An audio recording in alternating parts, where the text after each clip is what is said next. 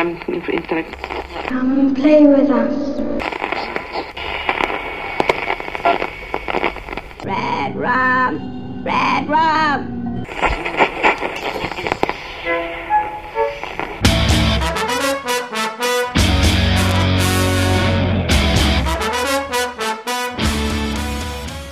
Witamy serdecznie w kolejnym odcinku podcastu Radio Stephen King. Dzisiaj będzie wyjątkowo. Dzisiaj mamy wielką ekipę. Dzisiaj mamy poligon doświadczalny, bo po raz pierwszy nagrywamy we czterech. Już jeden podcast był nagrany we czterech, ale to był, mm, to był ranking. To było troszeczkę inna dyskusja, a dzisiaj będziemy rozmawiać o książce. I jest ze mną tak. Po pierwsze, artysta znany dawniej jako Skóra, czyli Żarłok. O, to mi się Witam pod- cię, Żarłok. Witam, witam serdecznie. Mam przy sobie ciasteczka, zieloną herbatę i Stephen King. Wszystko co najlepsze. Jestem gotowy do dyskusji znakomitej. Witajcie wszyscy. No ja standardowo mam wodę z kranu i najtańszą kawę z Biedronki. E, Jest z nami e, Michał Rakowicz, czyli Jerry. Witam ciebie, Jerry. Witam się Manto, witam panowie. No i jest z nami debiutant, którego zapowiadałem e, w ostatnich wiadomościach z martwej strefy, czyli Randall. Witam ciebie, Randall. Witam, witam serdecznie. Bardzo mi przyjemnie gościć tutaj w twoim podcaście Mando po raz pierwszy. No, jest to dla mnie epokowa chwila, że tak powiem, bo, bo po prostu spotykamy się po raz pierwszy, tak? Po raz pierwszy się słyszymy i po raz pierwszy mamy okazję rozmawiać, Mando, bo nasze dyskusje na, na, na forum, no to już jest historia tak naprawdę jeszcze z, z okresu Grozy w każdym calu, czy Gotham Cafe. Tak, Więc, tak. więc, więc tak. Znamy się już e, tak internetowo od lat tak naprawdę, bo Randall e, na naszym forum właśnie Groza w każdym calu, które zostało później przemianowane na Gotham Cafe, od lat jest użytkownikiem, e, także dyskusje tekstowe toczyliśmy już długo, a teraz pierwszy raz mamy okazję sobie porozmawiać na żywo. Zanim przejdziemy do tematu dzisiejszej dyskusji, dwa zdania na temat gościa, bo chłopaków to już każdy zna, a Randall tak naprawdę też prowadzi swój podcast y, Tomograf w serwisie y, grastroskopia.pl, w którym chłopaki gadają o, ogólnie o popkulturze, bo zaczynaliście od książek, a z tego co widzę, to rozwinęliście się już we, we wszystkie różne możliwe kierunki. Co, Mando, my wciąż poszukujemy swojej formy, jakiejś takiej, której moglibyśmy się wyrazić, to, to, to co nas kręci. Jesteśmy takim grupą ludzi, którzy po prostu są zorientowani na, na masę różnych gatunków, zarówno jeżeli chodzi o seriale, filmy i książki, no głównie o gry. Sa- sa- Sama nazwa serwisu wskazuje na to, że jesteśmy skupieni na grach, ale jesteśmy generalnie taką grupą starszych troszeczkę panów już w słusznym wieku, którzy po prostu no, mówią o tym, co ich interesuje, co ich kręci, o czym by chcieli po prostu powiedzieć szerszej publiczności, tym młodszym i starszym słuchaczom, więc, więc wiesz, do tej pory szukamy po prostu swojej formy, szukamy jakiejś drogi, jeżeli chodzi o to środowisko podcastowe, a że kurczę, no, szukamy wciąż tego złotego środka, tak? Więc tutaj akurat no, nie wiem w jaki sposób się zareklamować. Jeżeli interesuje Was taka kultura retro szeroko pojęta, to zapraszamy. No. Rozmawiamy o serialach, o książkach. Ja staram się usilnie propagować e, Stephena Kinga w każdym z możliwych e, naszych nagrań, więc tutaj no, w, tym kierunku zmierzam, tak? A pozostałe, no, no jest nas dość sporo poza tym, no tak jak już wspomniałem, jest spora grupa ludzi, która ka każdy ma jakieś inne tam zainteresowania, no i troszeczkę trudno mi czasami to wszystko ogarnąć, ale, ale staram się, więc może ktoś tam sobie znajdzie jakąś, jakąś swoją, e, jakąś, coś, coś, co go może e, ewentualnie zainteresować z tej, z tej, z tej naszej działalności. Piszemy felietony również, e, no mówię, no, żeby już nie przedłużać szczególnie, no, zapraszam wszystkich na, na, na stronę i tam sobie może każdy sam zobaczyć osobiście, na, własną, na własne oczy się przekonać i, i ewentualnie na własne uszy, z czym, z czym będzie miał do czynienia. Okej, link do podcastu znajdziecie oczywiście w opisie tej audycji oraz e, już podpiąłem na stałe na dole po prawej e, w banerkach.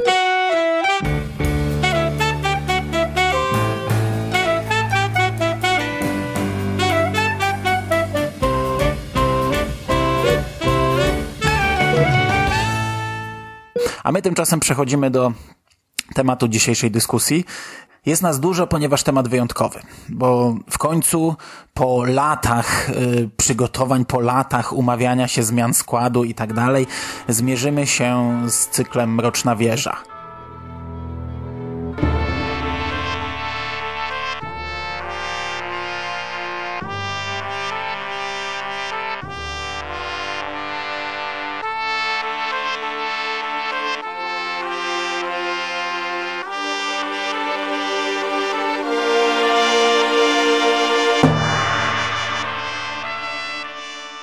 Można lubić, można nie lubić, ale nie da się odmówić wyjątkowości w całej bibliografii Stephena Kinga tym książkom. I dzisiaj będziemy rozmawiać o pierwszym tomie, który w Polsce ma tytuł Roland, a który niedawno doczekał się nowego, wyjątkowego wydania w sztywnej oprawie w końcu. No okej, okay, pierwszy tom Roland opowiada krótką historię o no, o tytułowym bohaterze Rolandzie, który przemierza pustynię i okoliczne wioski, okoliczne miasteczka. Jest to początek jego drogi ku Mrocznej Wieży. Tak naprawdę czytelnik nie ma jeszcze kompletnie o niczym pojęcia, czym jest Mroczna Wieża, kim jest Roland, do czego to wszystko zmierza. Wiemy tylko, że nasz główny bohater ściga jakiegoś tajemniczego mężczyznę w czerni, i śledzimy różne retrospekcje, ponieważ cała historia jest napisana tak trochę od końca, jakby Roland wspomina i opowiada różne historie, które wcześniej mu się wydarzyły, zarówno w jakiejś takiej bliskiej przeszłości, jak i historie z dzieciństwa, historie jeszcze przed upadkiem, przed jakimś tam wydarzeniem, które sprawiło, że świat stał się taki bardziej postapokaliptyczny. Jest to nazwane tutaj, że świat poszedł naprzód, świat się zmienił. No i to z grubsza tyle, co można powiedzieć o pierwszym tomie. To jest tak naprawdę bardzo krótka, bardzo prosta historia wprowadzająca czytelnika dopiero do, e, do dłuższej, większej opowieści to ja powiem, że świat poszedł może i naprzód, tak jak jest w tej frazie Kinga, ale cały sztafasz y, poszedł wstecz. Dokładnie sztafasz poszedł głównie w tym pierwszym tomie y, w klimaty westernowe pomieszane z jakąś post-apokalipsą. Tak więc no, świat poszedł w przód, a jednak do tyłu. No dla mnie to był taki troszeczkę szok przy pierwszym kontakcie z tą książką, bo ja pamiętam jeszcze doskonale czasy, jak Mrocznej Wieży w Polsce nie było i tak naprawdę tylko strzępki informacji gdzieś tam pojawiały się, czym to w ogóle jest. Wiedzieliśmy, że jest jakiś taki cykl, ale nie wiedzieliśmy, co to jest. I do dzisiaj wydawca przecież porównuje to do Władcy Pierścieni i ja takie wtedy miałem wyobrażenia. No ja jak pierwszy raz sięgałem po Rolanda, to y, byłem przekonany, że biorę do ręki książkę fantazy takie czyste, typowe fantazy i po prostu dla mnie to było takim lekkim szokiem, że dostałem jakiś western osadzony ni to w świecie fantastycznym, ni to w świecie rzeczywistym, bo tu przecież mamy tyle relacji z naszym y, światem, czy to w postaci piosenek, czy w postaci, już później to już w ogóle y, to się przeplata całkowicie, ale już w Rolandzie y, y, jest tych, tych przeplatań bardzo dużo. No i właśnie, właśnie dla mnie to był, to był spory szok, że dostałem coś takiego. Ja się tego kompletnie nie spodziewałem, sięgając po tę książkę. Pierwszy raz. Ale to ja powiem Ci szczerze, czy powiem Wam panowie, mm, że to jest tyle zaskakujące, co to od samego początku bardzo fajnie się sprawdza, przynajmniej jeżeli o mnie chodzi, to mimo, że ja po pierwszej lekturze pierwszy tom wspominałem jakoś słabo, to jeszcze być może wrócę do tego, jak gdzieś e, omówimy mniej więcej pokrótce, kto jak zaczynał w ogóle z Mroczną Wieżą, mm, ale ja go wspominałem generalnie słabo, natomiast e, no sam ten klimat, właśnie ten westernowy, to było coś, co mi się bardzo spodobało. No ale to jest trochę też tak, że ja no, byłem wychowany na westernach. Każdy, kto żył w Polsce lat 80. i 90., to pamięta, że y, to jest taki gatunek, który teoretycznie w Polsce nie powinien mieć y, jakichś zbyt wielu fanów, no bo to jest taki gatunek trochę no, nie, nie powiedział może trochę, ale nawet mocno e, zakorzeniony w amerykańskiej kulturze ale przez to, że gdzieś tam za tych komunistycznych czasów to chyba było jeden z niewielu gatunków, który niósł taki powiew zachodniego kina, e, no to, je, to ja mam takie nieodparte wrażenie, że się bardzo dużo ludzi w Polsce na westernach wychowało, więc no gdzieś tam do mnie ten, ten klimat trafiał. E, natomiast e, to, co się też rzuca w oczy na początku, to Mando wspomniałeś o tym, że ta historia to jest takie wprowadzenie, Natomiast, y, no to ja bym powiedział, że to jest nie tyle wprowadzenie, co taki skok na głęboką wodę, bo ta historia, ona jest tyleż faktycznie prosta, co z drugiej strony, no, można powiedzieć, że znaczeniowo i pod kątem wprowadzenia do tego świata, no to tutaj dostajemy bardzo dużo rzuconych wątków i pozostawionych tak pytań bez odpowiedzi, ale no, można powiedzieć, że w tym pierwszym tomie to się wie zbyt wiele nie wyjaśnia, żeby nie powiedzieć, że się nic nie wyjaśnia. I z tego punktu widzenia to wydaje mi się, że dla nowego czytelnika to, to nie jest specjalnie łatwe wejście. No chyba, że kto, kogoś właśnie kupi od samego początku klimat, ale od strony fabularnej to wydaje mi się, że to jest, to jest dosyć trudne, trudne otwarcie. Mhm. Jerry, bardzo ciekawe, co właśnie powiedziałeś o tym klimacie westernu, który no, jest nierozłącznie związany z, z cyklem Mroczna Wieża. E, moim zdaniem jest to bardzo dobry dobór e, tematyki, znaczy dobór e, sztofarzu, który, który King tutaj wybrał sobie dla prezentacji tej historii, ponieważ western jest wpisany niejako w tematykę postapokalipsy, tak? Więc od początku wszelkiego rodzaju powieści postapokaliptycznej, powieści, czy, czy filmów, czy, czy seriali, czy czegokolwiek po prostu związanego z, z tematem postapokalipsy, western jest takim jakby tłem dla, dla ukazania tej, te, te, tego, tego, tego typu historii, tak? Więc jeżeli coś cofa się w rozwoju, w przeciwieństwie do takiej kultury europejskiej, tak? Jeżeli coś cofa się w rozwoju, nie mamy tutaj powrotu do, do, do klimatów średniowiecznych, ale mamy powrót do, do westernu, tak? jeżeli chodzi o kulturę amerykańską. Dla nich to jest, to jest e, pewien rodzaj przedstawienia historii e, w momencie, kiedy, no, tak jak tutaj King ujmuje, to świat poszedł naprzód, no, a, a, świat tak naprawdę poszedł do tyłu. Tak? Dla nich jest to, jest to jakieś takie ustecznienie się, cofnięcie się w, w, mm, w, cofnięcie się w rozwoju, tak? w rozwoju cywilizacji. King również przekazuje również w Bastionie, tak? Jest, jest, jest bardzo dużo tego, tego, tego klimatu westernu jest po prostu wpisane niejako w, w tematykę apokalipsy. Nie, nie wiem, czy, czy, czy to troszeczkę moje cha chaotyczny tutaj wywód y, w jakiś sposób y, daje, daje jakiś pogląd na to, czym, czym jest Roland tak naprawdę, ale, ale jest dla mnie to znakomity dobór sztafarzu, znakomity dobór e, mm, tła do ukazania tej historii. Jakkolwiek uważam, że porównanie do Władcy Pierścieni jest tu chybione. Mam takie wrażenie, że po prostu King bardzo by chciał, żeby jego dzieło, jego y, Mroczna Wieża była czymś na miarę Władcy Pierścieni. Jakkolwiek, jakakolwiek analogia do Władcy Pierścieni moim zdaniem jest tutaj kompletnie chybiona. Nieważne co piszą na blurbach, nieważne co piszą wydawcy, nieważne co wydawcy chcą przekazać i w jaki sposób zachęcić czytelników, Władca Pierścieni nie ma nic kompletnie wspólnego z Mroczną Wieżą. No nie zgodzę się, bo y, wydawcy wiadomo, że będą pisać o y, Władcy Pierścieni po to, żeby zachęcić jak najwięcej potencjalnych słuchaczy, ale już we wstępie w tym wydaniu poprawionym z 2003 roku Stephen King pisze o swoich o, jakby o genezie, o tym, co miało wpływ na niego, że w ogóle zabrał się za coś takiego. I oczywiście, jeżeli mowa o atmosferze, o y, gatunku, no to porównania do Władcy Pierścieni jako takiego nie ma, ale na pewno można porównywać y, Mroczną Wieżę do Władcy Pierścieni pod kątem rozmachu, y, z jakim autor, twórca tworzy swój świat. Ponieważ u Tolkiena to Władca Pierścieni był tylko cząstką, prawda? I e, pomimo, że w Mrocznej Wieży mamy więcej tomów, to cały ten świat stworzony przez Kinga oczywiście rozgałęzia się wręcz na jego inne książki. No, kiedy tutaj rozmawiamy w innych podcastach z Mando, to cały czas możemy usłyszeć, że on wyłapuje jakieś tam smaczki, y, które w pobocznych książkach mówią nam o świecie w Mrocznej Wieży. Więc po części tak i po części nie. Trzeba zaznaczyć, że jakby ambicją Kinga było stworzenie takiego no, świata postmodernistycznego, ale to już też temat e, na, na późniejsze rozważania.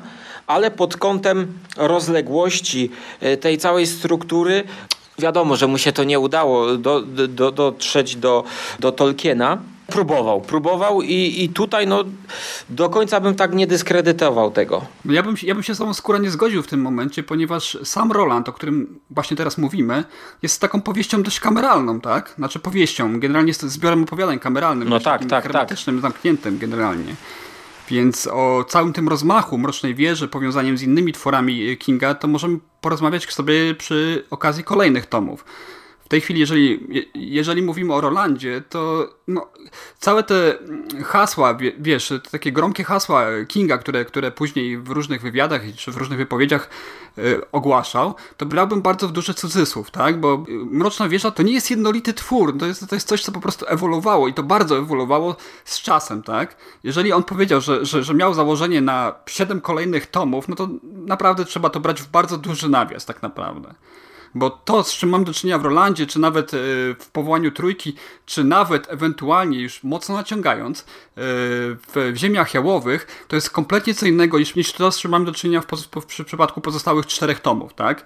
Więc tutaj ja bym nawet posunął się do, troszeczkę takich rozważań, co by było, gdyby jednak King dokończył w tym okresie Mroczną Wieżę, kiedy, kiedy po prostu zaczął pisać Rolanda, tak?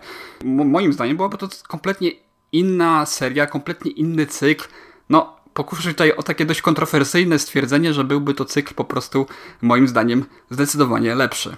Ale to ja, ja, tak trochę wpadnę, y, panowie, między was, y, bo mi się wydaje, że to jest tak, że my możemy dyskutować, y, na ile te porównania do władcy są, są słuszne czy niesłuszne, natomiast to też trochę trzeba brać pod uwagę, że y, jakkolwiek różne by były i nieprzystające do siebie te, te dwa twory, to wydaje mi się, że jednak taka odgórna ambicja Kinga była, żeby się zmierzyć z tego rodzaju epickim i kompleksowym podejściem do świata. I mi się wydaje, że, że to, co wydawcy cały czas wykorzystują, to jest głównie z tym związane. I myślę, że to, jeżeli byśmy się odnosili, to co skóra zauważyłeś, do samej gatunkowości, no to, to jest bezdyskusyjne, że to jest błędne porównanie Natomiast mm, wydaje mi się, że tutaj nawet abstrahując od tego właśnie, jak mocno cały ten cykl wyewoluował w końcówce i jak bardzo rozrósł się też na inne powieści Kinga, to widać no, w Rolandzie jest to gdzieś tam do, dopiero zaprezentowane w takim ułamku i gdzieś tam to dopiero prześwituje, ale im dalej, tym,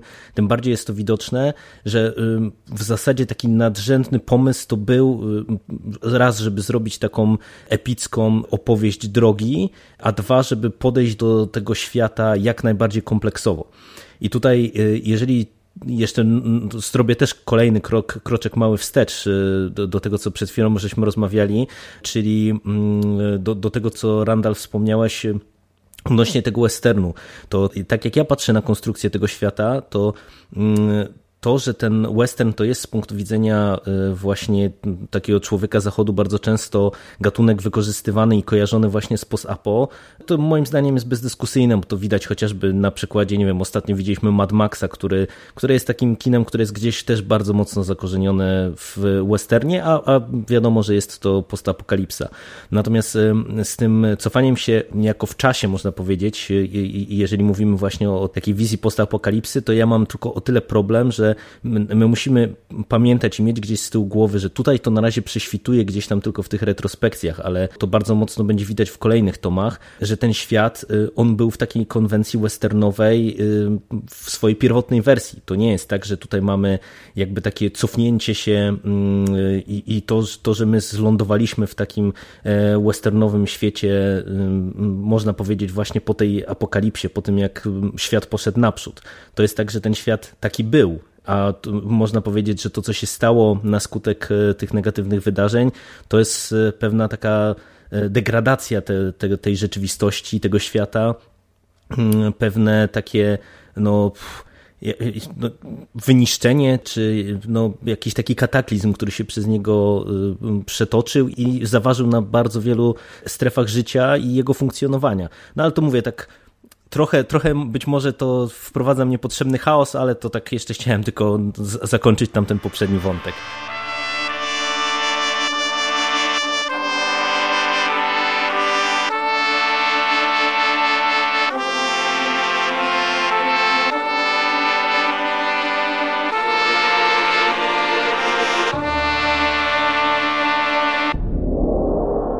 Roland jest taką małą powieścią, ale zobaczmy Hobbita, który był też wcześniej.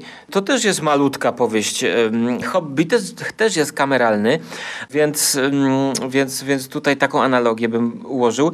A poza tym jeszcze ten argument, który mówiłeś, że King zaczął to pisać no, jako y, chyba dwudziestolatek w 70 latach i my tak naprawdę nie wiemy, co on planował i jakby to wyglądało, gdyby on się tak zamachnął i to na raz, dwa, trzy napisał. No to dla mnie to jest taki argument w stylu w stylu mniemanologii stosowanej, że y, no możemy gdybać sobie, prawda? Y, weźmy pod uwagę, że Zarówno Tolkien pisał y, opowieści o Śródziemiu przez całe życie i King pisze jakby nadal to, y, to, tą mroczną wieżę i my tak naprawdę podejrzewam ani my, ani wydawca Kinga nie wie, czy jemu czasem nie przyjdzie powiedzmy za pięć lat do głowy, żeby w, napisać tą powiedzmy dwa i pół. Tak więc no, no wiesz, traktujmy to jako całość i tam nie wchodźmy do głowy pisarzowej i nie odgadujmy, co on planował, bo to według mnie no zawsze jest skazane na porażkę, tak jakby, że, że nie, nie będziemy wiedzieć. Ale tutaj to widać, nie? No bo wiesz, Tolkien to był perfekcjonista. On wydał książkę dopiero jak ona była gotowa, 10 razy poprawiona albo i 100 razy poprawiona. Yy, Władca Pierścieni to jest przecież jedna książka. On tego nie wydawał yy, oryginalnie, nie napisał tego na tomy. Wydawca to tak ta, w taki sposób opublikował. A u Kinga to po prostu widać, że te tomy się gigantycznie zmieniają. To, co to już mówił Jerry i to mówił Randall. Roland jest bardzo, jest całkowicie odstającą książką bardzo mocno od cyklu. To jest naprawdę e, bardzo mocno się różni nawet od drugiego tomu, od trzeciego tomu, a już od tomów, od czwartego to samo. Ta, ta, ta seria jest naprawdę okrutnie nierówna, dlatego jest też tak ciężka do sfilmowania. Ja może się ustosunkuję do, do skóry teraz jeszcze, może chwileczkę, że jest, jeszcze jesteśmy przy tym gdybaniu i tej minimanologii.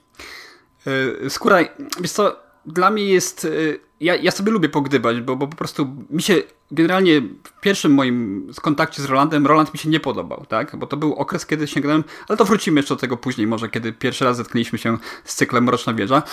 E, potem Roland mi się bardzo podobał z innego zupełnie względu. Ja bardzo się zagłębiłem w nowy western, tak? E, western w wydaniu McMartiego czy Cormaca McCarthy'ego i po prostu bardzo mi się spodobał ten klimat, bardzo ciężki klimat westernu, taki ponury wręcz western, taki, taki western, no, brudny wręcz western. To nie taki, jaki pamiętamy jeszcze z okresu, nie wiem, spaghetti westernu, czy tych, czy tych westernów e, fajnych, klimatycznych z okresu Domku na Prairie i tak dalej, tak? Tutaj mamy ciężki, naprawdę ponury klimat. I ja bardzo, naprawdę bardzo, bardzo bym chciał wiesz, ja jestem czytelnikiem i mogę sobie pogdybać. Y, co pisarz miał w, w, zamyśle, to, to już zupełnie inna sprawa jest. Ale kwestia tego typu jest, że no, po prostu bardzo bym chciał zobaczyć taką mroczną wieżę Anno Domini 1978-80, gdzie po prostu King po prostu nie zaimplementował do, do swojej twórczości, do tego monumentalnego cyklu yy, nawiązań do wszystkich innych książek swoich, nie skanibalizował tych książek, można powiedzieć, w pewnym względzie to byłoby coś naprawdę fajnego moim zdaniem. No, no ale mówię, to są to wszystko gdybanie, to jest, to jest wszystko alternatywna rzeczywistość, to jest, to jest wszystko e, coś, co możemy sobie po prostu wy, wyobrazić. Dla mnie po prostu moment, kiedy King zaczyna na siłę, w wielu momentach na siłę wplatać do swojej, do tego cyklu e, wątki z innych książek, no to jest coś, co zabija po prostu ten cykl dla mnie w którymś tam momencie. Może jeszcze kiedyś przy okazji omawiania kolejnych tomów do tego wrócimy i, i ustosunkuję się do tego dokładnie, bardziej w detalach, ale dla mnie ta Mroczna Wieża, ten Roland z, z 78, tak? Poprawcie mnie, jeżeli, jeżeli źle tutaj... 82, 82 ale nie tak, jestem... bo to, to jest też dyskusyjne, ponieważ y, pierwsze pojawienie się wątku z Rolanda to było chyba w tym, e, w tej sztu, sztuce, A, tak, tak, no tak, bo tak, sztuce scenicznej z Uniwersytetu Maine. Znaczy w ogóle, no najpierw to było wydawane jako zbiór mhm. opowiadań. No, w tak jakimś magazynie mówiłeś. Science Fiction and Fantasy, coś takiego było. Mhm. W każdym razie, no dla mnie ten Roland to jest, dla mnie w tej chwili, kiedy do niego wróciłem, dzięki właśnie wam, panowie tutaj, dzięki temu nagraniu, to jest odkrywanie Mrocznej Wieży na nowo i bardzo, bardzo okropnie wręcz się boję, sięgać po kolejne tomy i boję się, że, że, że moja percepcja tego cyklu się y, no, może zmienić i, i, i być negatywna w późniejszym okresie. No ja przyznam, że tak jak Randall powiedział, yy ja za pierwszym razem się troszeczkę odbiłem od Rolanda. Po pierwsze to, co ja już mówiłem, czyli y, kompletne zaskoczenie, jeżeli y, chodzi o, o to w ogóle, czym jest Mroczna Wieża, a po drugie, no bardzo często jak się zachęca ludzi do Mrocznej Wieży, e, to się nawet używa tego zdania, że jeżeli ci się nie podobał pierwszy tom, to jeszcze nie rezygnuj, bo później jest trochę inaczej. I ja jak przeczytałem Rolanda pierwszy raz, to e, no to byłem zawiedziony troszeczkę. Tylko, że Albatros wtedy wydał dość szybko drugi i trzeci tom i ja tak dopiero po jakichś dwóch miesiącach od przeczytania e, zdałem sobie sprawę, że gdzieś tam mi ten Roland cały czas w głowie siedzi. Ta jego zapoczątkowana wędrówka w tym pierwszym tomie i że, że w sumie zastanawiam się, co tam dalej się będzie działo i, i zastanawiam się nad jego życiem wcześniejszym, bo tak naprawdę z tego pierwszego tomu to, co mi się najbardziej podobało, to te wczesne retrospekcje, czyli te, te, takie pierwsze zarysowanie y, świata, tego wcześniejszego jeszcze przed teoretycznym upadkiem, no i, i, i sam finał, ostatni rozdział, gdzie mamy jakąś wizję, jakąś taką, gdzie tam King nam maluje, yy, tak, takie rzuca nam, co nas może czekać w przyszłości. I to było jedyne, co, co tak naprawdę mnie mm, jakoś utrzymało przy tym cyklu i sprawiło, że sięgnąłem po kolejne tomy i tak naprawdę dopiero od kolejnych tomów rozkochałem się w tym cyklu. Ja nie chcę bronić yy, Rolanda, bo mnie Roland się nie podoba ogólnie rzecz biorąc. Ja mówię, a tutaj Rafał też wybiega bardzo do przodu, bo ja w ogóle na razie nie chciałem wspominać o przyszłych tomach, bo jeszcze nawet ich nie wszystkich czytałem, tylko e, jakby o, o celu y, pisarza, który we wstępie w tym wydaniu 2003 mm, pisze. Y, natomiast jeżeli mam jakościowo oceniać Rolanda, to za pierwszym razem mnie się on nie podobał, a za drugim razem nie podobał mnie się no ciut mniej może. Ale to, to nie, nie wiem, nie wiem dlaczego. To chyba dlatego, że po prostu e, to było tylko sobie przypomnienie i nie skupiałem się na ocenie materiału, tylko na, na przypomnieniu sobie mm, e, tegoż. Tak więc e, no ja nie bronię, ja nie bronię. Dla mnie to jest... Znaczy no to tyle chciałem tak się wytłumaczyć. Ja bym y, chyba nie chciał y, czytać tej książki takiej napisanej na, na raz, całej tej sagi w latach 80., y, bo te lata 80. dla Kinga nie były takie mm, pomyślne. No, chociażby y, no, biorąc pod uwagę, ile on to by musiał pisać, no to myślę, że skończyłby na końcu lat, na początku lat 90 no tam e, ostatnio takie powieści jak Stuko Strachy, to według mnie to nie, nie wróżyłoby dobrze. No ale to, to tak jak mówię, no to, to, to jest takie gdybanie teraz z mojej strony. Przejdźmy może lepiej do jakiejś takiej analizy właśnie tych, tych chwytów, które stosuję, żeby, żeby zaciekawić czytelnika do głębszego wejścia w coś, co tutaj jest tylko taką zajawką w sumie.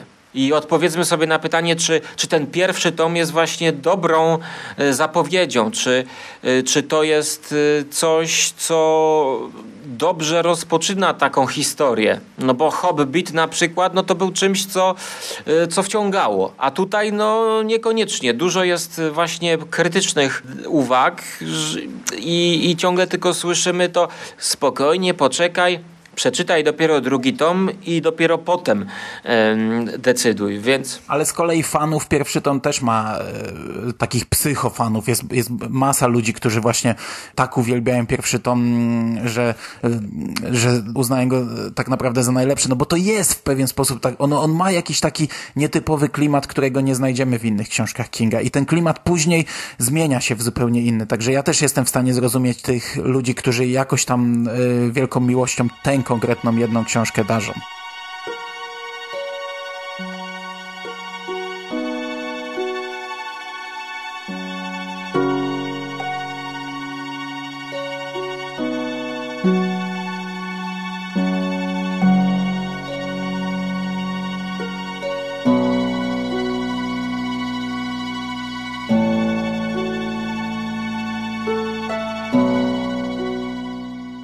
Myślę, że to jest dobry moment, żebyśmy może w tym momencie przeszli do tego właśnie, co Skóra zasygnalizowałeś, czyli do tych patentów, jak próbuje wciągnąć czytelnika i do tego właśnie w szczegółach, jak my żeśmy zaczęli swoją przygodę z Rolandem, bo tak wyłania się nam obraz taki, że w zasadzie chyba przy pierwszym podejściu, albo nawet i docelowo, w zasadzie wszyscy mamy albo złe, albo co najwyżej mieszane uczucia związane z tą książką.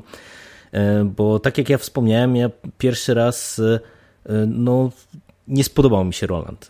E, z tym, że ja jakby miałem w ręce wszystkie pierwsze cztery tomy, które wtedy były wydane, to był tam, nie wiem, rok chyba 2002 bodajże, albo pierwszy i po prostu było tak, że ja te pierwsze cztery tomy przeczytałem hurtem.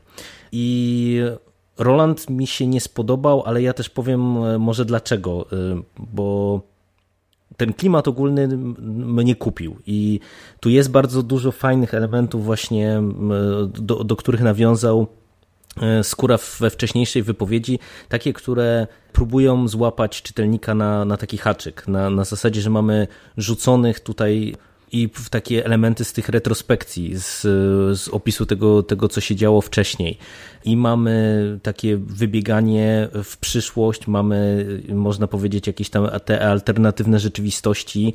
No tutaj jest bardzo dużo takich, y, takich różnorodnych elementów, co do których tak na dobrą sprawę w momencie, kiedy my czytamy pierwszy raz, to po pierwsze nie wiemy, co z tego ma jakiekolwiek znaczenie, bo ciężko wyczuć, czy tak na dobrą sprawę, czy i jaki jest ten docelowy klimat całego cyklu, no bo, bo tak na dobrą sprawę tutaj jak się czyta te poszczególne historie, no bo to czuć, że to jest można powiedzieć taki bardziej zbiór opowiadań, to ja nawet teraz odświeżając e, tą książkę, to miałem tak, że kurde, jakbym to czytał pierwszy raz, tak zupełnie na świeżo w tej chwili, to ja naprawdę, mając przed sobą kolejne siedem książek, to nie wiedziałbym kompletnie, w którą stronę to może pójść, bo tak na dobrą sprawę, poza tym takim westernowym klimatem, to tutaj mamy i trochę magii w postaci chociażby tej walki z sukubem i mamy jakiś taki bardziej apokaliptyczny klimat, mamy trochę wątki horrorowe e, z powolnymi mutantami i tak dalej, i tak dalej. No tego jest, jest mnóstwo. Natomiast y, nawiązując jeszcze troszeczkę właśnie do, do, tego, co powiedziałem, dlaczego ja się najbardziej odbiłem od tej książki. Mi się najbardziej nie spodobał wątek e, Jake'a Chambersa. To jest coś, co, co ja powiem pewnie rzecz mało popularną, ale dla mnie Jake w całym cyklu to jest Ciri w cyklu e, o Wiedźminie. To jest po prostu postać, która mnie tak szalenie irytowała od samego początku, od jej wprowadzenia właśnie w Rolandzie do samego końca, że Ach, przez większość czasu z, z, lektury i jego wątków to po prostu zgrzytałem zębami. I... No ale dlaczego? Uzasadnij nam teraz. Co, co coś się tutaj nie podobało? Nie podobało mi się tutaj konkretnie jego takie wprowadzenie troszeczkę jakby na siłę i takie budowanie wątków i takiej relacji zmiękczającej nam tego Rolanda, który wcześniej nam się zaczyna klarować jako taki ostatni sprawiedliwy, twardy i, że tak powiem, zdeterminowany w działaniach rewolwerowiec. I tutaj ja to odebrałem w tym pierwszym tomie jako takie na siłę zmiękczające wątki. Nawet mimo tego, co się jakby się dzieje fabularnie, jakby z Jake'iem w pierwszym tomie, to i tak ja to odbierałem jakby właśnie taki trochę ruch w kierunku tego, żeby nam tego Rolanda troszeczkę uczłowieczyć i pokazać, że, że to, to jednak to, to, to jednak nie jest tak, że on tam ma tylko, że tak powiem, pustkę w sercu i za wszelką cenę dąży do tej mrocznej wieży. Jerry, pozwól, że ci przerwę, bo ja po prostu mam do Jacka, Jacka Chambersa mam po prostu takie ambiwalentne uczucia z dwóch przyczyn. Pierwsza przyczyna jest taka, że czytałem, e, po raz pierwszy Rolanda czytałem w tej wersji, wersji pierwotnej, tak? Której Jack Chambers jest generalnie takim symbolem bardziej niż, niż realną postacią, tak naprawdę symbolem tego, co Roland musi poświęcić, żeby po prostu ruszyć e, dalej w kierunku Mrocznej Wieży, żeby móc się spotkać z człowiekiem w czerni, Walterem. A w wersji poprawionej ten Jake nabiera troszeczkę takich e, bardziej cech ludzkich. Po prostu tą postać po prostu da się w pewnym momencie polubić, zrozumieć, jak również zrozumieć motywację Rolanda i jego rozterki, kiedy musi Jacka e, poświęcić tak, w, w finale Rolanda, tak, rewolwerowca. Więc tutaj są dwa, dwa jakby rozbieżne charaktery, które no, warto by było przeanalizować z dwóch różnych punktów widzenia, bo tak jak już wspomniałem, ten pierwszy Jack to, no to jest karta, tak? Jedna, jedna z czterech kart, które Roland musi akurat na tym etapie odrzucić, tak? W wersji poprawionej, tej wersji z 2003 roku, no to jest zupełnie inna postać, tak? To jest, to jest dzieciak, który, który jest typowym takim kingowskim dzieckiem z jakimiś tam, powiedzmy, no, śladowymi po prostu zdolnościami paranormalnymi, bo Jack po prostu jest takim małym dorosłym, jak, jak, tak to, jak to przeważnie u, u Stephena Kinga bywa. Więc tutaj no, warto by rozgraniczyć te, te dwie postaci. Nie wiem, nie wiem, Jerry, akurat jak to u ciebie było, bo ja pierwszy raz tak samo jak ty, naprawdę nie lubiłem Jake'a i po prostu przykładałem zero wagi do tego, co się z nim później dzieje, a w, po, teraz, kiedy, kiedy wróciłem po prostu do, do, do nowej wersji Rolanda, jest to moje pierwsze zetknięcie się z tą wersją, którą czytałem tydzień temu, no i po prostu no, zaczęło mi być żal tego chłopaka i, i w ogóle kilka scen z nim, które tak jakby są takim foreshadowingiem tego, co się z nim stanie, no to, no to troszeczkę chwytało mi za serce to, nie? Poważnie są aż takie różnice? Bo ja byłem przekonany, że to aż tak mocno się nie zmieniły te, te dwa wydania. To znaczy, wiesz, a ty w ogóle, Randall, czytałeś to w oryginale, czy w polską wersję, E, czytałem, w polskim tłumaczeniu? Czytałem wersję angielską, e, tą z roku, nie wiem, 78 czy 82.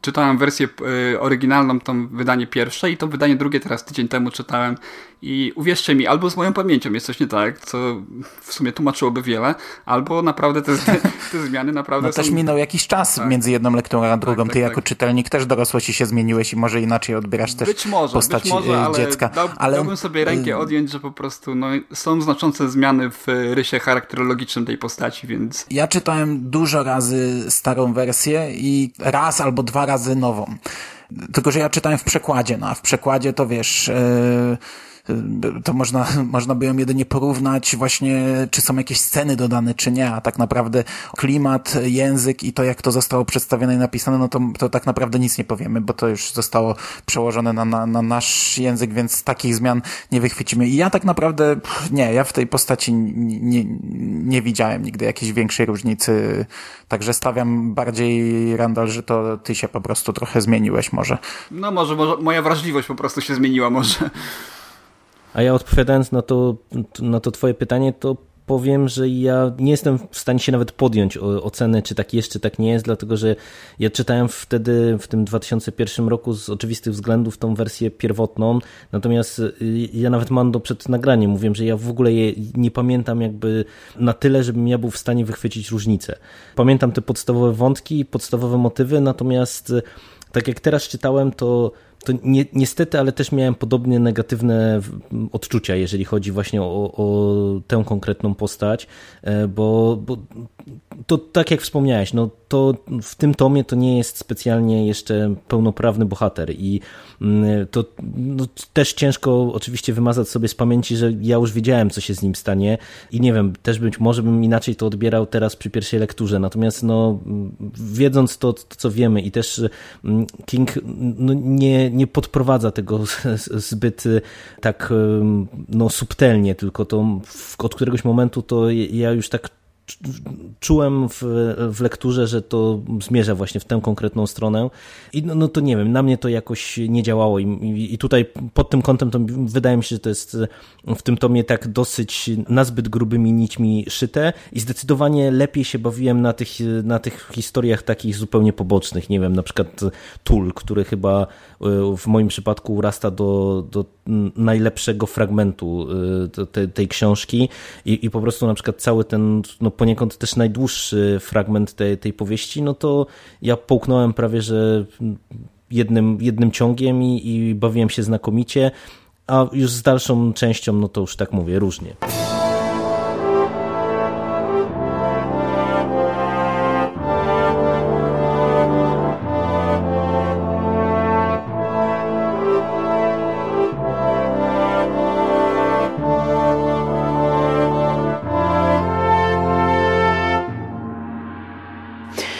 Ja głównym moim zarzutem wobec tej książki jest to, że ona jest napisana takim e, prostackim językiem, e, jakby pisarza jakby no niedoświadczonego, który tak łopatologicznie wywala wszystko od razu, e, nieumiejętnie stopniuje napięcie, tak jakby od razu chce walić wszystkim po mordzie. Tak jakby no, jestem znieczulony, może nie od początku, ale no już tak nie wiem, jedna trzecia, no to ja już jestem tak jakby znieczulony, że bardzo dużo jest tutaj atrakcji. I ten western, mm, a czy samo połączenie mi pasuje.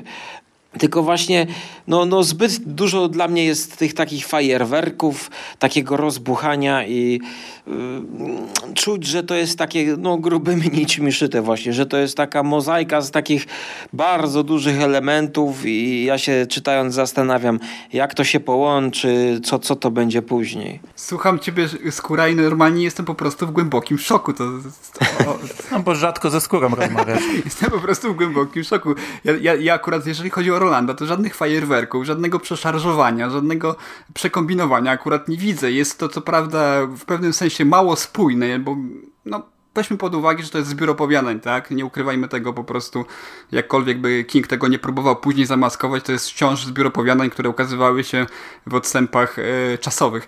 Ale po prostu no, dla mnie to jest e, klimat spójny. Dla mnie Roland w tej chwili będzie chyba jedną z moich ulubionych e, części Mrocznej Wieży.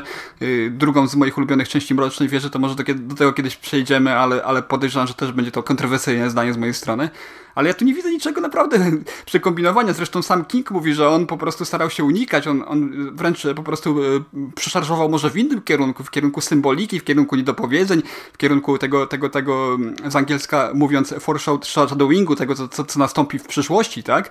Więc tutaj akurat nie widziałbym. Dla mnie to jest wizja dość spójna, z takim dość yy, mglistym zarysem tego, co może nastąpić w przyszłości i troszeczkę bardziej wyrazistym w poprawionej wersji ale no, dla mnie to jest klasyczny western, klasyczna postapokalipsa, bardzo fajnie zarysowana, z wyrazistym bohaterem i dla mnie, powiem panowie wam teraz, e, tak krótko mówiąc, jeszcze podsumowując, to jest dla mnie najlepsze rozpoczęcie książki, jakie w życiu czytałem. No, no Pierwsze zdanie to daje takie spektrum możliwości czytelnikowi, takie spektrum e, domniemania tego, co się może wydarzyć, tak? E, tego, co, co autor może przekazać nam w przyszłości. Roland podąża za, za człowiekiem w czerni, tak? Już tutaj możemy sobie stawiać pytania automatycznie. Dlaczego on podąża podąża za tym człowiekiem w czerni, jest to jakiś konflikt już zarysowany, jest pustynia, tak? Czyli, czyli wątek pewnego, pewnej takiej beznadziei, już uciekając w tą symbolikę kom kompletną. Więc no, dla mnie Roland jest w tej chwili, w takiej wersji, w jakiej jest teraz, jest powieścią po prostu, e, znaczy powieścią, no, jest, jest tworem perfekcyjnym w tej chwili. Ja bardzo się odbiłem, tak wracając jeszcze do tego motywu e, tego pierwszego zetknięcia się z Rolandem, ja się bardzo odbiłem za pierwszym razem, ale ja byłem wtedy po powieściach takich jak to, byłem po powieści takiej jak, jak Bastion, która w sumie no, zbyt wiele od Rolanda nie odstaje generalnie w pewnych aspektach, aczkolwiek no, jest zupełnie innym klimatycznie tworem, tak? Więc dla mnie zetknięcie się z Kingiem typowo fantastycznym, tak? tworzącym literaturę fantazy, to był dla mnie szok. Ja w ogóle nie byłem wtedy przekonany do literatury fantazy, ja byłem bardziej korzeniami tkwiłem w science fiction i dla mnie y, zetknięcie się z Rolandem i takim Kingiem, no to był dla mnie szok i się odbiłem, no po prostu byłem, krótko mówiąc, y, za młody na tego typu literaturę wówczas. Teraz po prostu jestem zachwycony. Dla mnie jest to literatura no, na miarę najlepszych dzieł, yy, najlepszych dzieł z pogranicza apokalipsy, postapokalipsy i westernu. No, no nie, to... Mi innego pisarza, który, który potrafi w ten sposób zaciekawić yy, czytelnika już po pierwszym zdaniu. No, no nie ma takiego drugiego. No chyba, że, chyba, że Grzegorz Sapkowski, tak? W pierwszym opowiadaniu o Wiedźminie, tak? No to jesteś pierwszą osobą, którą ja spotykam, która mówi właśnie, że to jest jakby perfekcyjne rozpoczęcie. Bo dla mnie to e, perfekcyjnym rozpoczęciem to był Hobbit. A to jest dla mnie... E, zobacz, ile jest tych negatywnych głosów, jak właśnie ile jest dyskusji, gdzie ludzie przekonują i, i, i fani, którzy wręcz błagają innych, że spokojnie, spokojnie, zaczekaj do drugiego drugiego, trzeciego tomu, to się dopiero rozgrzeje. Ja nie mówiłem, y, mówiąc o tych fajerwerkach, o fabule, ani o sztafarzu, tylko o języku głównie. O to, jakim to jest językiem napisane. To nie jest jeszcze ten warsztat Kinga, który potem dopracował. Powiedzmy, no, nie, nawet nie chcę wybiegać tak daleko w przyszłość jak Dallas 63, ale yy, mówiłem o języku. Ja rozumiem, o czym mówi Skóra, bo nawet jak on o tym powiedział, to tak w pierwszej chwili się zastanawiałem, o jakich fajerwerkach on mówi, ale właśnie też tak za chwilę sobie pomyślałem, że wiem, o co mu chodzi. Że ta książka jest w taki sposób napisana, że wiesz... Yy to nie jest jakiś zwykły e, cowboy, zwykły rewolwerowiec, tylko King y, opisuje go w taki sposób, taki, nie mam słowa, ale wszyscy wiemy o co chodzi. Ja słuchałem y, tej książki w audiobooku, bo jakiś koleś, jakiś amator nagrał, to całkowicie amatorsko sobie nagrał, znalazłem, to mówię, a przesłucham, co tam. I po prostu dopiero teraz zwróciłem uwagę, że tam nie ma akapitu, w którym nie pada słowo rewolwerowiec. On go tak opisuje. Rewolwerowiec wszedł tutaj, coś tam i rewolwerowiec podszedł, powiedział. Yy, yy. Ale to jest man do pokłosie tego, że chyba, że w pierwszej wersji, pierwszej wersji Gunslingera to nie było po prostu imienia Roland, tak? Nie wiem, czy akurat tutaj nie, nie walnąłem jakiegoś fopa, ale tak mi się przynajmniej wydaje. Właśnie ja ci powiem, że tak. E, nie wiem, bo nie posiadam pierwszej wersji oryginalnej, ale pewne źródła, o których teraz nie chcę mówić, bo będzie to spoiler, to było podane tak, że w tej książce imię Roland pada dopiero niby na końcu. Nie mam pojęcia, czy tak faktycznie było w pierwszej wersji, bo ja sprawdzałem oryginalne wydanie yy, Rolanda, y, to które ja posiadam, no ale to jest późniejsza wersja i tam gdzieś tam w środku już pada imię Roland. Ale jeżeli tak było, no to to jest właśnie jedno z, z najgłupszych tłumaczeń tytułu polskie, bo, bo chyba faktycznie tak było w oryginalnej wersji, że imię głównego bohatera pada dopiero na końcu, a u nas y, zrobili z tego tytuł. Ja, jeżeli się mogę tak wciąć trochę, bo tak sobie pomyślałem, jak was panowie słucham, e, że poniekąd to macie y, i ty Randall i ty Skóra trochę racji y, w, w, swojej ocenie Rolanda, bo mi się wydaje, że to jest książka, którą bardzo trudno jest oceniać y, znając cykl i znając dalsze tomy. Dlatego, że mm, to, co właśnie Randall wspomniałeś, że ta książka jest bardzo silnie nacechowana, szczególnie w tej nowej wersji, kiedy tam King y, ponoć trochę wygładził jakby pewne, pewne rzeczy, które się w dalszych tomach y, pojawiają jako jakieś tam nawiązania i zrobił to wszystko bardziej spójnymi. Ona jest naładowana po prostu motywami, które gdzieś tam później się pojawiają. I z tego punktu widzenia to jest tak, że mm, dla kogoś, kto zna cykl, e, myślę, że ta książka będzie zdecydowanie łatwiejsza w odbiorze, zdecydowanie ciekawsza i w kolejnej lekturze właśnie po zakończonym cyklu wydaje mi się, że ona jest i łatwiejsza i przyjemniejsza w odbiorze niż e, dla nowego czytelnika.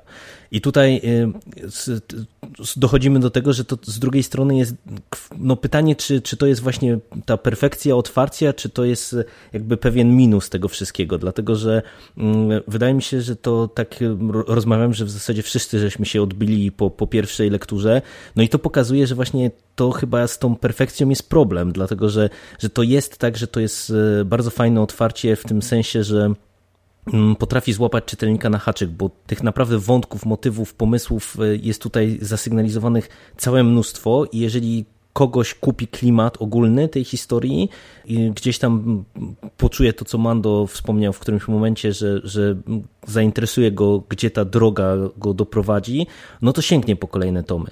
Natomiast ja jestem w bardzo prosty sposób sobie w stanie wyobrazić to, że tutaj no, wielu czytelników się odbije od tej historii, nigdy do niej nie wróci. No bo, bo tu mówię, to jest trochę też tak, że ta ilość tych takich różnych nawiązań, smaczków, rzuconych jakichś tam kwestii, jakichś imion, jakichś retrospekcji i tak dalej, jest tak duża, że z kolei jeżeli, jeżeli czytać Rolanda jako taki autonomiczny twór, zamkniętą jakoś tam całość, no to to się sprawdza ta książka moim zdaniem bardzo średnio.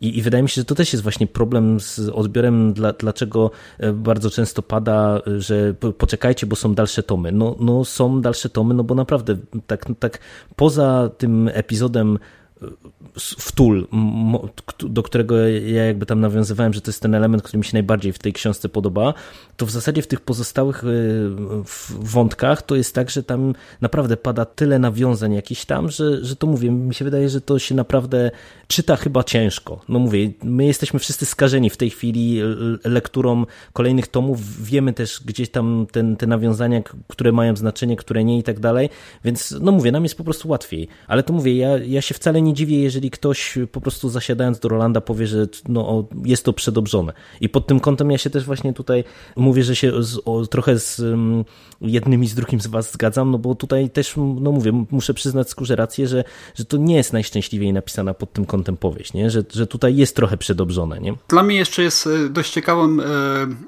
aspektem tej, tej całości Mrocznej Wieży, jak również Rolanda, kwestia tego, jak, jakby tę powieść, e, jakby Rolanda generalnie odbierał ktoś, kto do tej pory nie miał styczności z twórczością Kinga.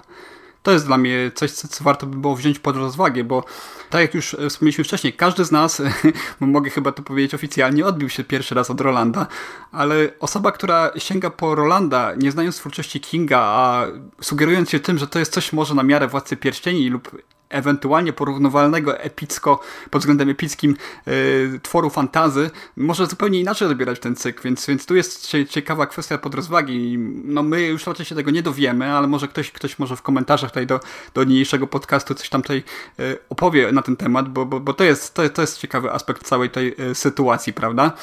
A co jeszcze wracając jeszcze do tego, mm, kiedy któryś z was panowie wspomniał, nie wiem czy Jerry, czy, czy, czy Skóra, czy, czy chyba Mando nawet, że, że po prostu mamy tutaj do czynienia z czymś takim bardzo gromkopierdnym, może tak mówiąc nieładnie, że ten rewolwerowiec, rewolwerowiec i rewolwerowiec, tak, się pojawia non-stop w trakcie tej powieści.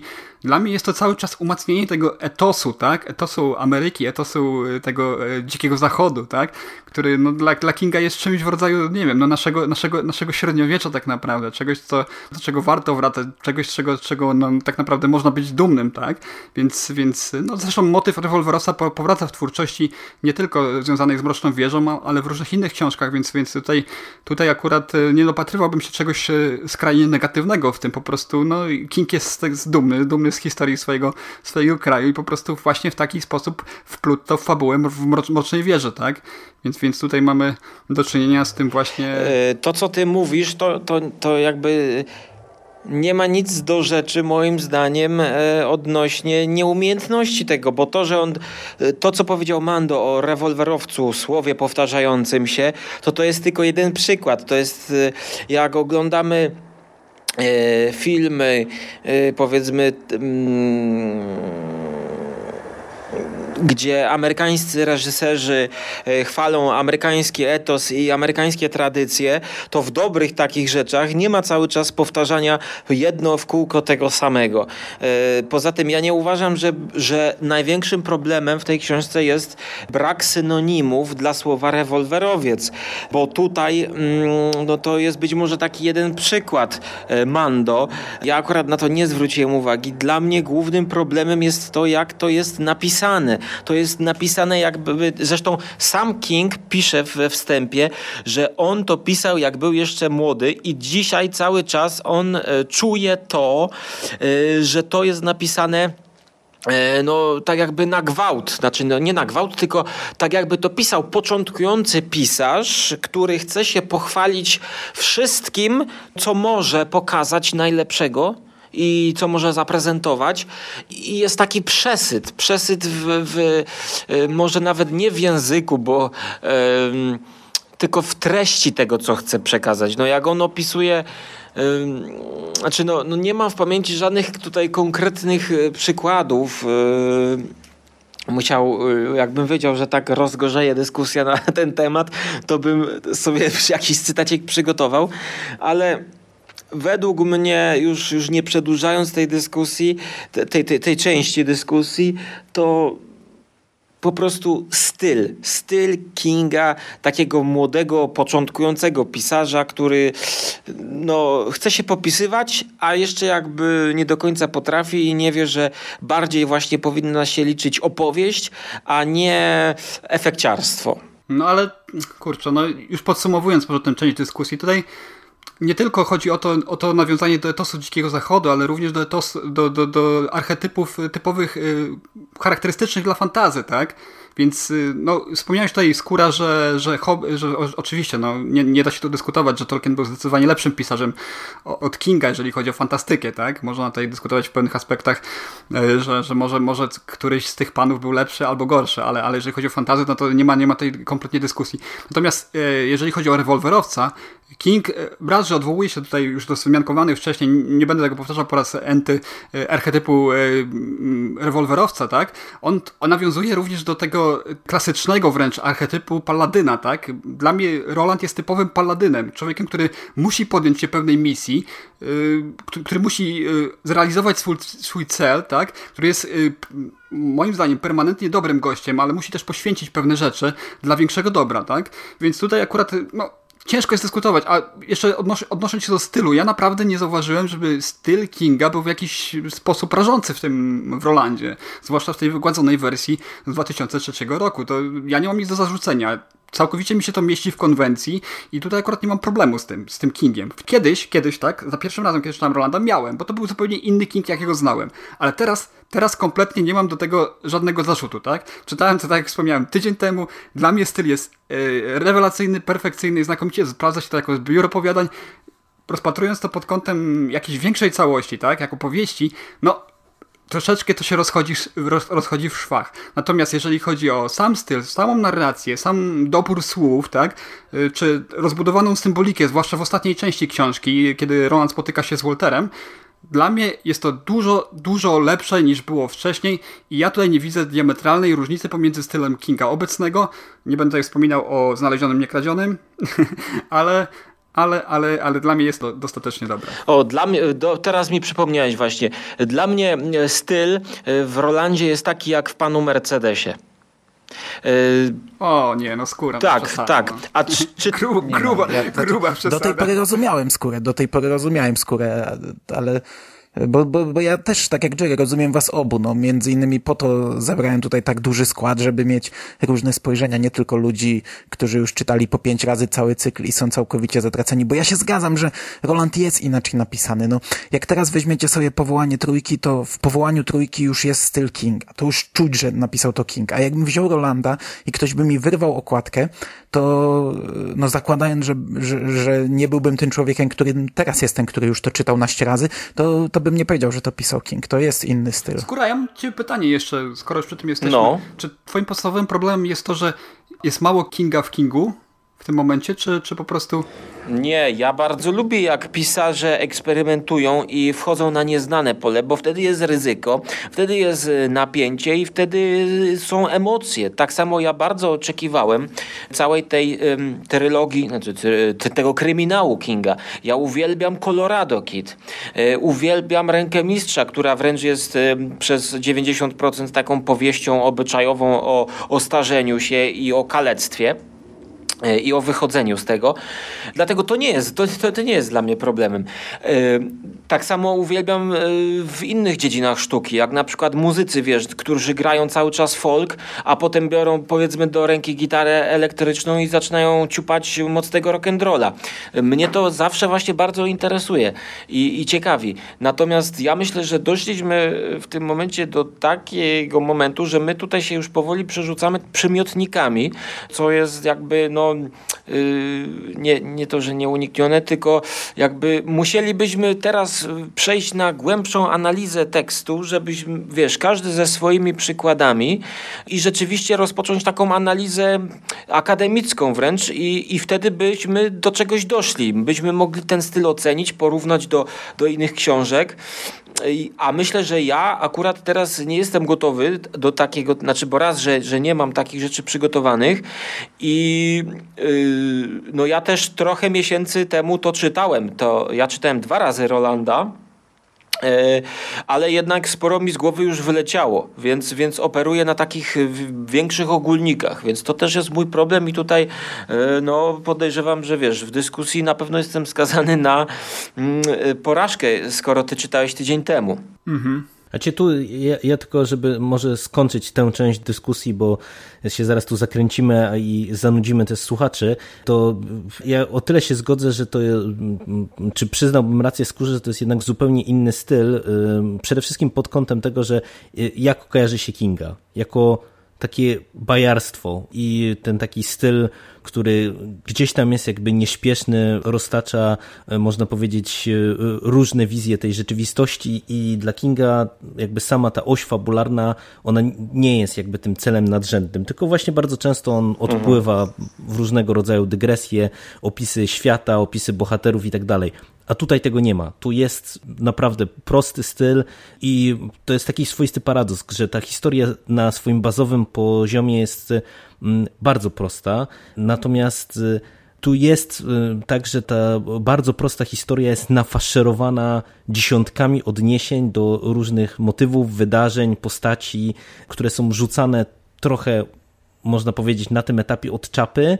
I jakby to czuć, że to po prostu raz pisał pisarz młody, dwa pisał to pisarz, który najprawdopodobniej wydaje mi się, no, nawet nie miał i, i zresztą znając Kinga, to bym się zdziwił, gdyby miał, ale nie, nie miał specjalnie jakby pomysłów, w którą stronę go to wszystko zawiedzie i po prostu no, no to się czuje, nie? A tutaj no nie ma tego charakterystycznego stylu Kinga i to możemy dyskutować oczywiście, czy to jest dobre, czy to jest złe i tak dalej, ale, ale to już mówię, to jest drugorzędne, bo jeżeli ktoś ze słuchaczy jeszcze książki nie czytał i zna inne książki Kinga, to, to musi być na to przygotowany, że że to, to nie jest ten styl, który, do którego King jakby swoich wiernych fanów przyzwyczaił przez lata. Przypomniałeś mi tutaj e, jedną kwestię właśnie do Rafała, o której zapomniałem, odnośnie tego bajarstwa i dodałbym portretów psychologicznych postaci. E, w tym dobrym Kingu, za którego ja uważam tę część e, stylu Kinga, jest to, że on potrafi nam na kilka stron pisać o nawet nie tyle pobocznych wydarzeniach, o dygresjach, tylko on poprzez takie malutkie detale pokazuje nam portret psychologiczny postaci. Początkowo my możemy myśleć, że ten człowiek leje wodę, ale całość układa się właśnie na tę mozaikę taką utkaną z takich malutkich elementów porcelany, ale takiej właśnie drogocennej, czyli te, te wszystkie y, zdarzenia, historii bohaterów, które wpływają na obraz, że my wierzymy, że to jest bohater z krwi i kości. A tutaj, no chociażby z racji tego, że to się składa z pięciu połączonych ze sobą opowiadań, a wiemy jak King pisze opowiadania, no to już czuć, że to nie jest jakby yy, tak głęboko w, opisana yy, historia. I być może yy, cel, pod, znaczy właśnie, jeszcze tutaj Rafał mówił o tym, że jest zadanie i ten paladyn, który musi wy, wyruszyć w podróż. I, i od początku ten, yy, yy, ten, ten, ten bohater główny idzie. On przez całą książkę idzie. I yy, ja wiem, że on wyrusza w tę podróż. Y, tutaj na przykład porównując do Władcy Pierścieni, to ja bym mógł też dać taką wadę, że we Władcy Pierścieni, żeby podróż mogła się zacząć, to musi być jakby najpierw wezwanie do podróży, e, musi być jakby wahanie, czy rozpoczynać tę podróż, czy nie rozpoczynać. Potem e, bohater, zwykły człowiek, e, wiesz, wchodzi na, na swój, na szczyt swoich możliwości i podejmuje się zadania, którego przewyższa. I my wtedy identyfikujemy się z tym bohaterem, bo my wiemy, że to jest facet, któremu chodzi o zasady, y, że on, dla niego ważniejsze są ideały wyższe niż siedzenie y, i jedzenie chlebka w miasteczku. Natomiast tutaj mamy do czynienia z jakimś człowiekiem, który jest w ogóle nie wiadomo, czy w ogóle to jest człowiek, ten Roland na początku, czy to jest jakiś magik, czy to jakieś sztuczki zaczyna robić no, nie jesteśmy, znaczy ja przynajmniej, nie jestem w stanie zidentyfikować się e, z tym bohaterem, no chyba, że jest jakaś tam historia, gdzie on opowiada coś o swojej przeszłości. No to wtedy mamy tutaj jakiś zarys. Ale ten cel w Rolandzie oprócz tego, że on ma złapać człowieka w czerni, nie jest zarysowany. No i ja teraz mam tylko uwierzyć, że człowiek w czerni, okej, okay, celownik na człowieka w czerni, dobra.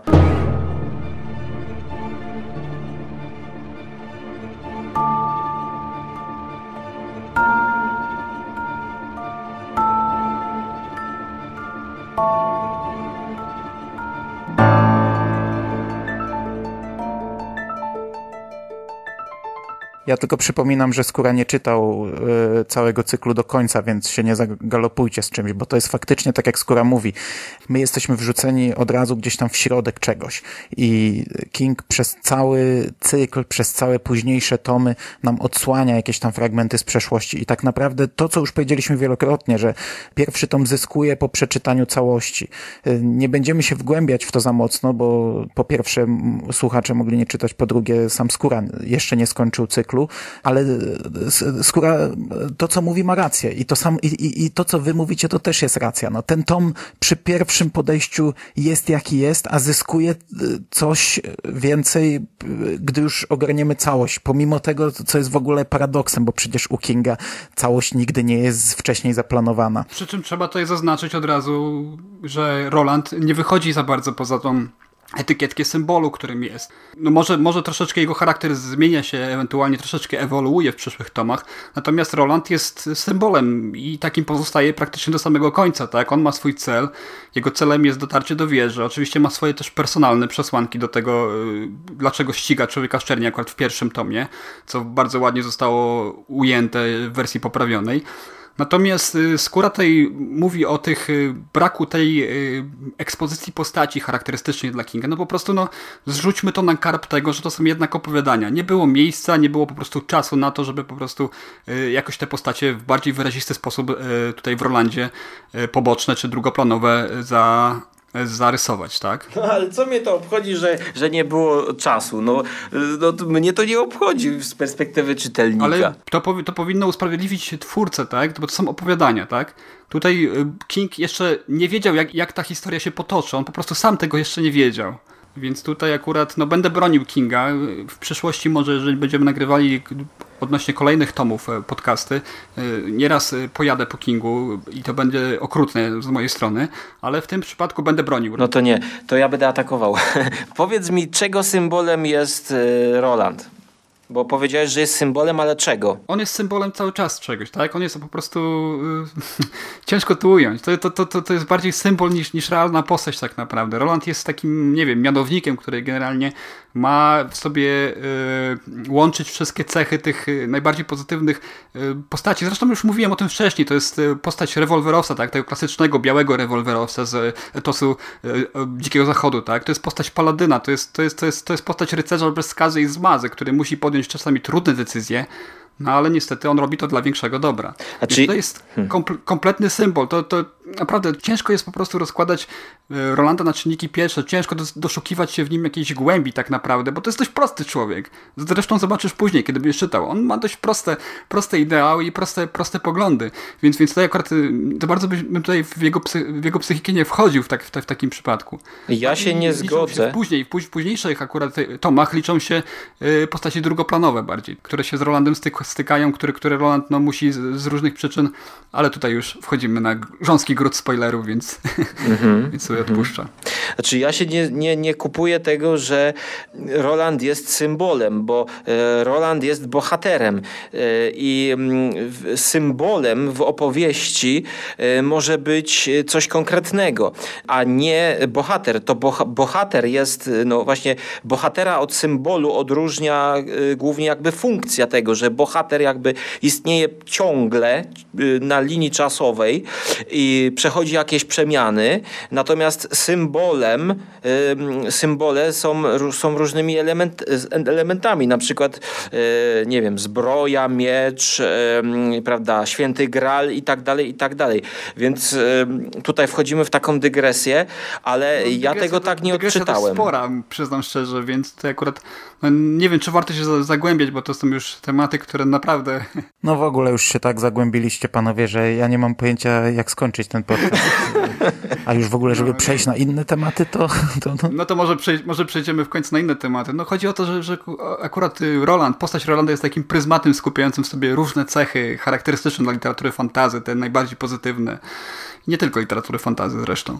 Więc, więc tutaj akurat, no co do symboliki, czy postać może być symbolem, to może jest temat na zupełnie inną dyskusję i dla zupełnie innego podcastu, więc, więc może sobie tutaj w tym momencie odpuścimy tą, tą dalszą Ja dyskusję. myślę, że i tak będziemy jeszcze do tego wracać nie raz, bo omawiając kolejne tomy będziemy wracać pewnie do tego, co powiedzieliśmy dzisiaj, ale tak naprawdę już się powoli y, no, grzęźniemy. Nie da się odmówić e, tej książce, że jest w jakiś sposób no, wyjątkowa. To jednym może się nie podobać, drugim może się podobać, ale ja mam wrażenie, że o kolejnych tomach nie będziemy aż tyle dyskutować. To nie będzie dyskusja tak długa i nie będziemy wchodzić tak głęboko w to. Takie mam wrażenie. Roland Rewolwerowiec, pierwszy tom Mrocznej Wieży jest jakąś wyjątkową książką w bibliografii Stephena Kinga. No chyba nie jesteśmy w stanie nic więcej dodać, bo myślę, że tak jak możemy się różnić co do oceny tej książki, to, to pod tym kątem no chyba jesteśmy zgodni, no, że to jest książka gdzieś tam wyjątkowa. I ja nie wiem, czy to nie jest dobry moment, żebyśmy my właśnie trochę e, poszli naprzód, nomen omen, zmierzając tutaj do e, ewentualnego końca naszej dzisiejszej dyskusji, bo, myślę, że i tak e, no, bardzo mocno się rozmieniliśmy tutaj na drobne i poszliśmy w kierunku różnego rodzaju dygresji w, w tej naszej rozmowie.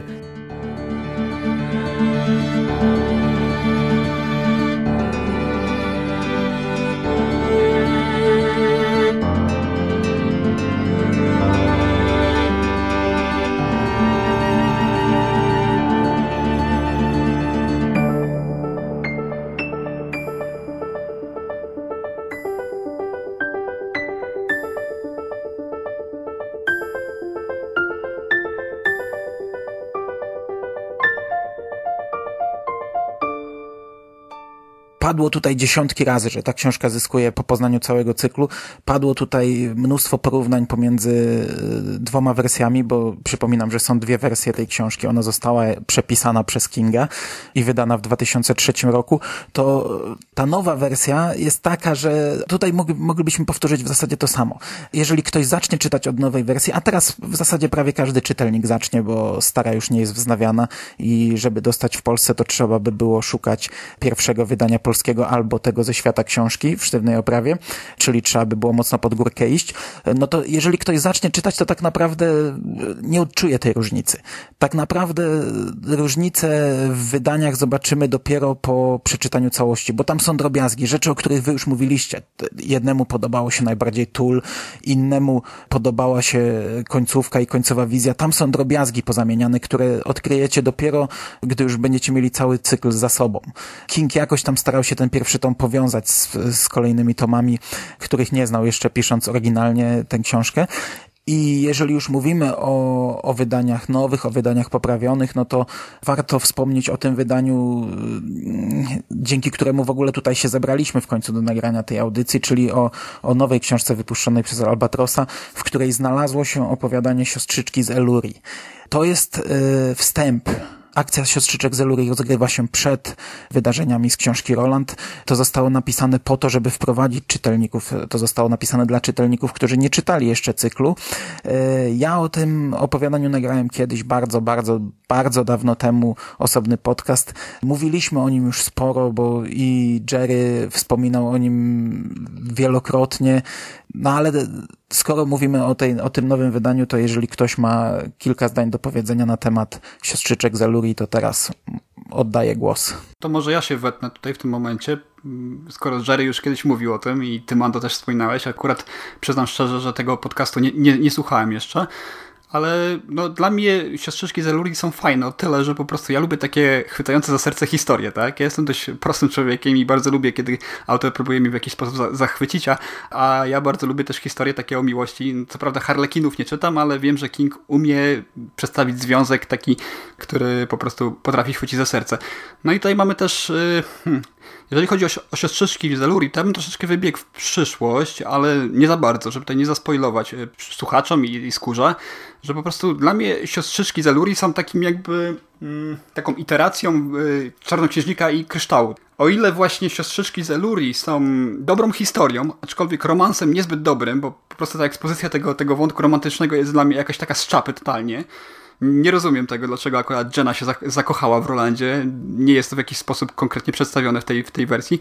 To jednak mamy tutaj też do czynienia z pewnym takim yy, stylem opowiadania na wzór tragedii greckiej, bo my od samego początku wiemy, że z tego nic nie będzie, że ten romans jest skazany na porażkę i że ta historia się skończy źle w pewnym sensie, ale no wciąż wierzymy, wciąż chcemy wierzyć i powiem wam szczerze, ja Siostrzyczki Zeluri czytałem już chyba hmm, cztery razy, a jest to chyba najbardziej ulubiony kawałek prozy mojej żony. Więc no, za każdym razem jak czytam, mam nadzieję, że to się skończy jednak w inny sposób. No niestety kończy się jak kończy. I no i to, to tyle ode mnie. No dla mnie niefortunnym troszeczkę mm, zabiegiem jest umieszczenie tego opowiadania na końcu akurat tego nowego wydania. Wolałbym, żeby było na początku, no ale też czysto kosmetyczna rzecz, więc, więc tak. Ja też się zdziwiłem, że jest na końcu, a nie na początku, ale też ciekawe, już nawiązując do naszej wcześniejszej dyskusji, jak to by się sprawdziło, gdyby ktoś teraz e, kompletnie e, z czystą kartą, nie znając Mrocznej Wieży, podszedł i właśnie najpierw przeczytał Siostrzyczki Zeluri, a potem Rolanda, bo to jednak jest napisane dużo, dużo później. To jest napisane przed wydaniem piątego tomu, czyli chyba nawet już w XXI wieku, mhm. ale to bym musiał szybko sprawdzić. Co, co, co, bardzo, e, co mi bardzo doskwiera jeszcze w Siostrzyczkach Eluri, że, że że, że King już i we wstępie do siostrzyczek Zeluri i w samym opowiadaniu po prostu daje tak silnie do zrozumienia, że no, słuchajcie kochani, to jest bardzo fajna historia, świetny romans i tak dalej opowieść o wampirach, etc., ale niestety to się nie skończy źle, bo Roland musi niestety ruszyć w kierunku Mrocznej Wieży. To mnie boli bardzo, bo ja bym wolał jednak, żeby tak tego czytelnika troszeczkę y, chwycić po prostu z zaskoczenia. A tutaj te, tego typu y, historii niestety, niestety tego typu narracji nie mamy. Mamy od razu z góry przeświadczenie o tej tragizmie tego, tej postaci, tak? Już tak się odnoszą troszeczkę do podręcznikowych przykładów. No to ja tak w dwóch zdaniach, bo tak jak Mando słusznie zauważył, ja wielokrotnie już w naszych rozmowach wracałem do, do tego tekstu.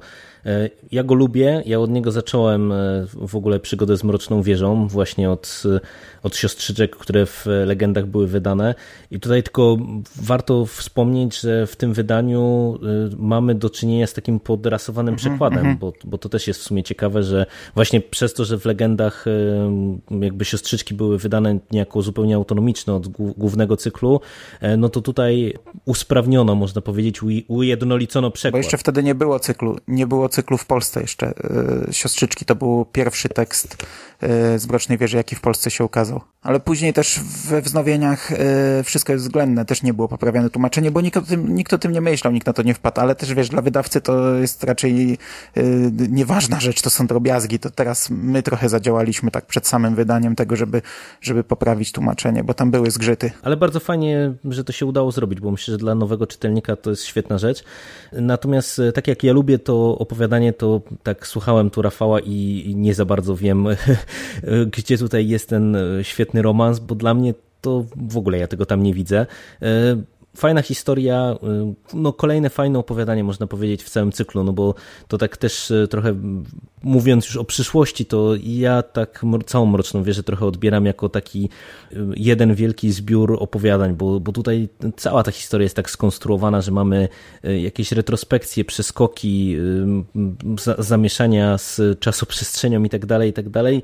I to powoduje, że tutaj właśnie takich fajnych historii po drodze do, do Mrocznej Wieży jest, jest całe mnóstwo i właśnie siostrzyczki dla mnie zawsze były taką fajną historią, ale ja ją zawsze odbierałem raczej jako taką historię i wariację Kinga na temat innego rodzaju wampira i, i takiego trochę pokazanie, jak ten świat jakby cały pośredni funkcjonuje i co my tam jesteśmy w stanie jeszcze spotkać oprócz powolnych mutantów. I pod tym kątem jakby ja zawsze widziałem tę konkretną opowieść fajna rzecz i, i, nie wiem, no, najlepszym dowodem, że mnie zachęciła do dalszej, do dalszej lektury cyklu, czyli myślę, że swoje zadanie spełniła. A no bo ty byłeś takim czytelnikiem, który najpierw przeczytał opowiadania, a potem... Tak, tak, tak. No ja, ja właśnie po, po lekturze legendy, ja pamiętam jak ja u znajomych po prostu trafiłem na cztery tomy na półce, bo, bo tyle wtedy było w Polsce wydane i po prostu skojarzyłem, że o, o proszę, Mroczna Wieża, więc zabrałem wszystkie cztery tomy i łyknąłem je, można powiedzieć, że tam prawie, że na jednym podejściu w sumie ja teraz jak o tym mówimy, ja w ogóle nie wiem jakim cudem ja zostałem z tą Mroczną Wieżą, bo teraz mi się przypomniało, że ja się od legend przecież odbiłem koszmarnie, to znaczy nie od samego tomu, tylko od tego opowiadania, od siostrzyczek Zelury. Ja ze dwa, trzy razy próbowałem to czytać i, i nie dawałem rady. E, w ogóle w tamtych czasach, zanim Mroczna Wieża w Polsce nie została wydana, to książki, które jakoś silnie nawiązywały do Mrocznej Wieży, to mnie odrzucały. Także ja siostrzyczki Zelury przeczytałem dopiero jak się rozkochałem w Mrocznej Wieży, czyli jakoś po drugim, trzecim albo nawet czwartym tomie i jest, moje odczucia są właśnie bliższe do Randala, bo ja o wampirach to myślę na drugim miejscu, a pierwsze co to zawsze sobie myślę, jak mi smutno było na koniec, trochę tak, no, oczywiście dużo mniej niż ta prawdziwa miłość Rolanda, ale, ale jakoś tam jakieś tak podobne uczu uczucia we mnie to opowiadanie wtedy wywołało. Siostrzyczki Zeluri są o tyle fajne, że jest tutaj swego rodzaju kontrast w stosunku do wydarzeń z Tul, tak? Gdzie, gdzie kurczę, nie wiem, czy to wolno mi spoilować, czy nie, ale gdzie, gdzie jest scena, kiedy Roland y, no, musi się bronić przed mieszkańcami miasteczka w Tul, a później mamy analogiczną sytuację, kiedy musi się bronić przed mieszkańcami Eluri, więc, więc tutaj mamy troszeczkę taki y, kontrast do tego, co się później dzieje tak, y, w tym wszystkim, gdzie Roland gdzieś jest strącony z tej, z tej, z tej rangi takiego niepokonanego rewolwerowca, który może wszystko, więc to jest akurat ciekawe w, w przypadku siostrzyczek z Eluri i wydaje mi się, że to mogło właśnie być jedną z przesłanek, dla których właśnie to opowiadanie zostało umieszczone na końcu, a nie na początku, gdzie, bo gdzieś ten cały etos tego niezwyciężonego rewolwerowca się chybocze, jeżeli chodzi o siostrzyczki z. Więc tutaj, a jeszcze odnosząc się do tego, co powiedział Jerry, no ja, ja już wspomniałem, że romans gdzieś tam jest zarysowany, ale jest to romans, y, który nie ma zbyt y, silnego podłoża. W przeciwieństwie do tej wzmiankowanego wcześniej y, historii i romansu Susan Delgado, tak? Dziewczynie z okna, o której opowiemy może przy przypadku Czarnoksiężnika i Kryształu. No i to tyle.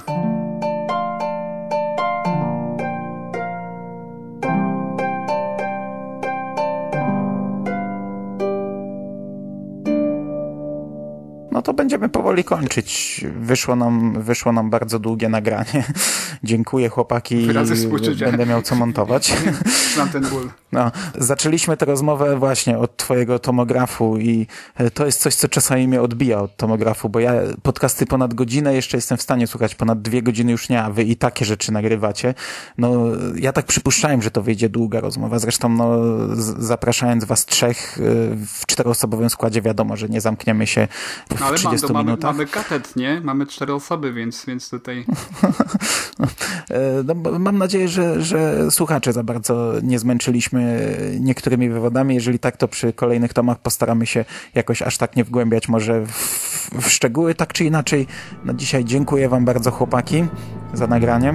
Dzięki. Dzięki, do usłyszenia.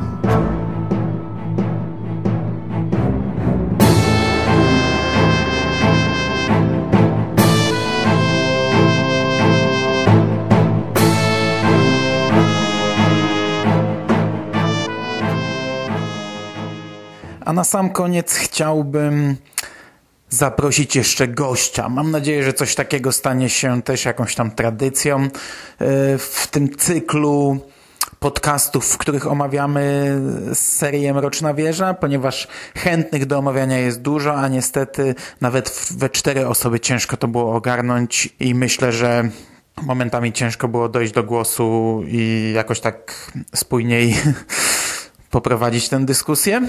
Także dzisiaj chciałbym połączyć się z Kubą z podcastu Newcast, który to podcast traktuje właśnie o tematyce postapokaliptycznej. Mm, No i poprosić go o krótką wypowiedź na temat pierwszego tomu cyklu. Do podcastu oczywiście odsyłam. Link znajdziecie w opisie tego odcinka. Ja natomiast witam Ciebie, Kuba, i oddaję Ci głos. 4, 24 i 20. Zdrowaś Mario łaski. Witam, nazywam się Kuba Krzemiński i zostałem poproszony o wypowiedzenie się na temat książki Stephena Kinga pod tytułem Mroczna Wieża, tom pierwszy Roland. Jako, powiedzmy, znawca i fan klimatów postapokaliptycznych, no mogę powiedzieć kilka zdań, bo bez wątpienia jest to książka, która mocno zakrawa klimatem o postapokalipsę. Na samym początku powiem, że nie jest to moja pierwsza książka Stephena Kinga, z którą się zetknąłem. Pierwszą, o ile dobrze pamiętam, była książka Boyk 8 i była to książka, która naprawdę rozpaliła we mnie chęć do czytania tego autora i naprawdę bardzo pozytywnie mnie zaskoczyła. W czasie mojej kariery jako osoby czytającej książki Stephena Kinga, to jest około 3 lata, już przeczytałem kilkanaście książek Stephena Kinga, takich jak Miasteczko Salem, Biorek opowiadań, Nocna zmiana, Cmentarz zwierząt czy Wielki Marsz. Seria książek pod tytułem Mroczna Wieża całkowicie inaczej wypada. Jest to całkowicie inny klimat. Jeżeli tego autora bym znał tylko właśnie z tych poprzednich książek, to mógłbym powiedzieć, że nie pasuje całkowicie klimat do tego. Yy, powiedzmy, że jest to Seria książek, o której właśnie mówię, czyli Mroczna Wieża, mówi o rewolwerowcu, ostatnim rewolwerowcu Rolandzie, ale o tym już chyba chłopaki powiedzieli i całkowicie różni się klimatem od innych książek Stephena Kinga. Między innymi to, że jest to opowieść fantazy, której początek sam całej chronologii zaczyna się, gdy Roland, jako młody chłopiec, uczy się na rewolwerowca i są to czasy średniowieczne, połączone z klimatem steampunkowym, czyli jak niektórzy wiedzą, maszyny parowe oraz broń palna, ale nie chcę też o tym za dużo mówić. Ta książka bardzo dobrze przedstawia, jak może wyglądać świat po apokalipsie, po tym jak dochodzi do zniszczenia rodzaju ludzkiego. No nie całkowicie, no bo wiadomo, ktoś przeżył, dlatego mamy tu postapokalipsę, bo postapokalipsa, co, co by można było pisać, jeżeli byśmy na przykład opowiadali tylko o mutantach i o świecie pustyni, gdzie nic nie ma, prawda? Dlatego muszą być też jakieś jednostki, które przeżyły i bardzo w ładny sposób e, Stephen King pokazuje to w swojej Mrocznej Wieży. W pierwszym tomie jest przedstawiona wędrówka Rolanda przez pustynię, który podąża cały czas za człowiekiem w czerni. W międzyczasie spotyka kilka osób i jest to bardzo dobrze przedstawione, że nie jest tych ludzi cała gromadka, tylko jedno miasto raz na długi okres czasu, czy nawet jeden dom na środku pustyni, czy gdzieś tam na obrzeżach, gdzie można jeszcze żyć i uprawiać na przykład ziemię. Cała książka według mnie jest bardzo dobrym przedstawieniem właśnie światu po zniszczeniu. Przedstawia jak wyglądają mutanty dla osób, które chcą zaczerpnąć jakiejś wiedzy, jakiegoś natchnienia do gier RPG. To jest bardzo dobry pomysł, żeby wziąć tą książkę i przeczytać motyw wędrowania po pustyni w dziełach postapokaliptycznych jest bardzo częsty. Występuje w serii filmów Mad Max, grze Fallout i wielu, wielu innych. Jeżeli chcecie wiedzieć więcej na temat tego dzieła, to zachęcam was do przeczytania, bo jest naprawdę idealną powieścią na zbliżające się zimowe wieczory. I te jesienne, które teraz mamy, które są niezbyt ładne też. Według mnie Stephen King, biorąc pod uwagę, że jego główny gatunek pisarski jest trochę inny, to naprawdę bardzo, bardzo, bardzo dobrze wypadł. Jako, że jeszcze nie skończyłem całej sagi, to nie chcę się wypowiadać na temat całości. Także dziękuję za to, że mogłem wystąpić. Do usłyszenia.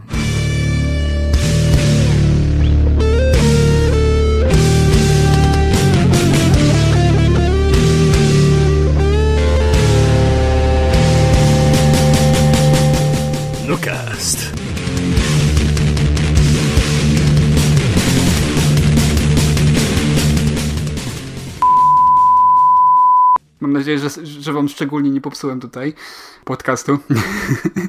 Nie, nie, nie, nie. Bardzo miło było cię gościć. Szczególnie, że tam ze skórą wchodziłeś w, w dyskusję, bo ja to zazwyczaj nie mam argumentów, żeby, żeby chłopaka trochę temperować, znaczy żarłoka naszego. O nie, tutaj, skó skórę, skóra muszę teraz tak prywatnie, mam nadzieję, że Mando to wytnie, nie, nie będzie tutaj zbędnego lukru, ale skóra, no, no ja, ja ciebie uwielbiam, stary, i po prostu wszystko, wszystko śledzę, co, co tworzysz, tak samo Jerry, no i Mando zresztą też rewelacyjni jesteście, naprawdę szacun dla was wszystkich i... Od, od, od tego zaczniemy ten podcast, od tego cytatu. w czołówkę sedam, w czołówkę. Prywatnie muszę ci jeszcze powiedzieć, że czasami, wiesz, jak mi takie wątpliwości nachodzą mi też, czy, czy jest sens w ogóle cokolwiek pisać, gdzieś tam upubliczniać, nagrywać, to jak słucham tych twoich perypetii, które tak obrazowo opisujesz, wiesz, y, jakie tam masz przygody z tym nagrywaniem i tak dalej, no to po prostu to jest tak no to inspirujące, dziękuję, że dziękuję normalnie... Bardzo. Ja sobie z tego zrobię jingla, a na zakończenie mogę powiedzieć, że y, ja muszę już rzeczywiście kończyć, ponieważ y, tutaj y, w nodze przed chwilą oderwałem z nogi kleszcza i muszę zaraz wygooglować, co robić, żeby nie umrzeć. Pożryj go, pożryj, pożryj go. No, chyba. Musisz wypalić ranę po prostu w tej chwili. Musisz wypalić ranę, jak, jak, dalej, jak będzie czerwona, to, to wyciąć taki kawał mięcha i go zeżreć. No to jest możliwe. Kleszcza jednak bym nie konsumował mimo wszystko. Wiesz, no. Trochę taki kanibalizm z tej strony, nie? Taki pośredni. Tak, wampiryzm, kanibalizm, no, no. ciężko to e... jakoś nazwać. No dobra, dobra. No to... Yy to w tym składzie widzimy się, mam nadzieję, już niebawem. Teraz chyba nie będziemy czekać lata, żeby omówić kolejny tom. Chłopaki, bierzcie się już powoli za czytanie. No, dzięki panowie. Wyrazy współczucia, wyrazy współczucia. Ja, ja taki półtorej godziny odcinek później przez tydzień montuję praktycznie po pracy, więc no, Wiem, ja znam ten ból. Teraz nie pracuję, także wiesz, mam wakacje. I teraz. Yy... I teraz jeszcze moje pytanie, czy są wszyscy, bo. No ja jestem. Zrywało. Ja jestem, jestem, jestem, Cały czas, was, cały czas was słyszę, panowie. No ja skóry tylko nie słyszałem w zasadzie całej wypowiedzi, ale to w podcaście. A teraz jestem, jestem, jestem skórał, jesteś, jesteś. żarłok. Znaczy, tak yy, myślę, że to jest dobry moment, żebyśmy może. W... Możemy klasnąć. Nie, nie, nie, nie, nie, nie, nie, nie, nie, nie, ja to skleję. No ja widzisz, to będę a Szymas, Szymas nie sklejał i widzisz, jemu się spodobało. No dobra. Jake nabiera troszeczkę takich, Jake czy Jack, nie, nie wiem już jak to, chyba pisania też tego była różna. E, e... przerwa, Jerry, u ciebie dziecko się obudziło? Nie, nie, nie, u mnie akurat a. wyjątkowo nie. Ale istnieje ryzyko takie, że tak będzie, ale to miejmy nadzieję, że najwyżej później. Na razie nie. Dobra, dobra. Dobra. Chce ktoś z was to powiedzieć, bo wy nic nie mówiliście długo? Mando, to jest twoja działka. A, dobra. Yy, mm.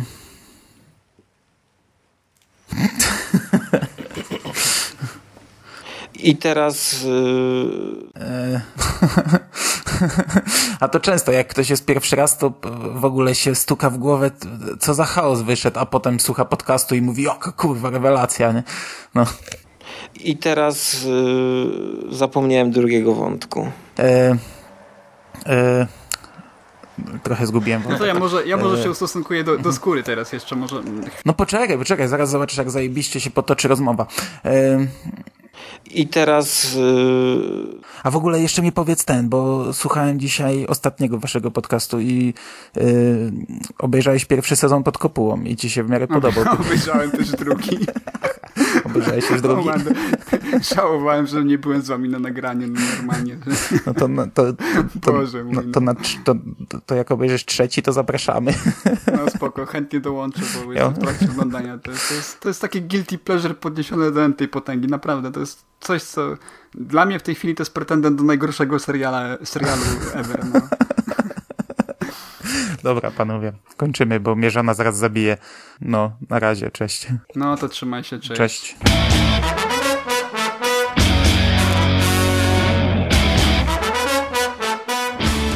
A już za tydzień w następnym odcinku radia Stephen King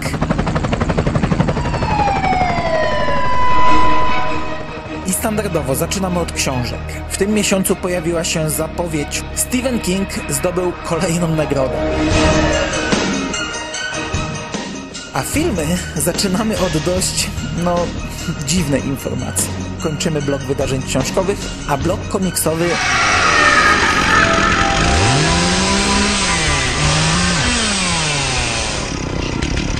Wiadomości z martwej strefy.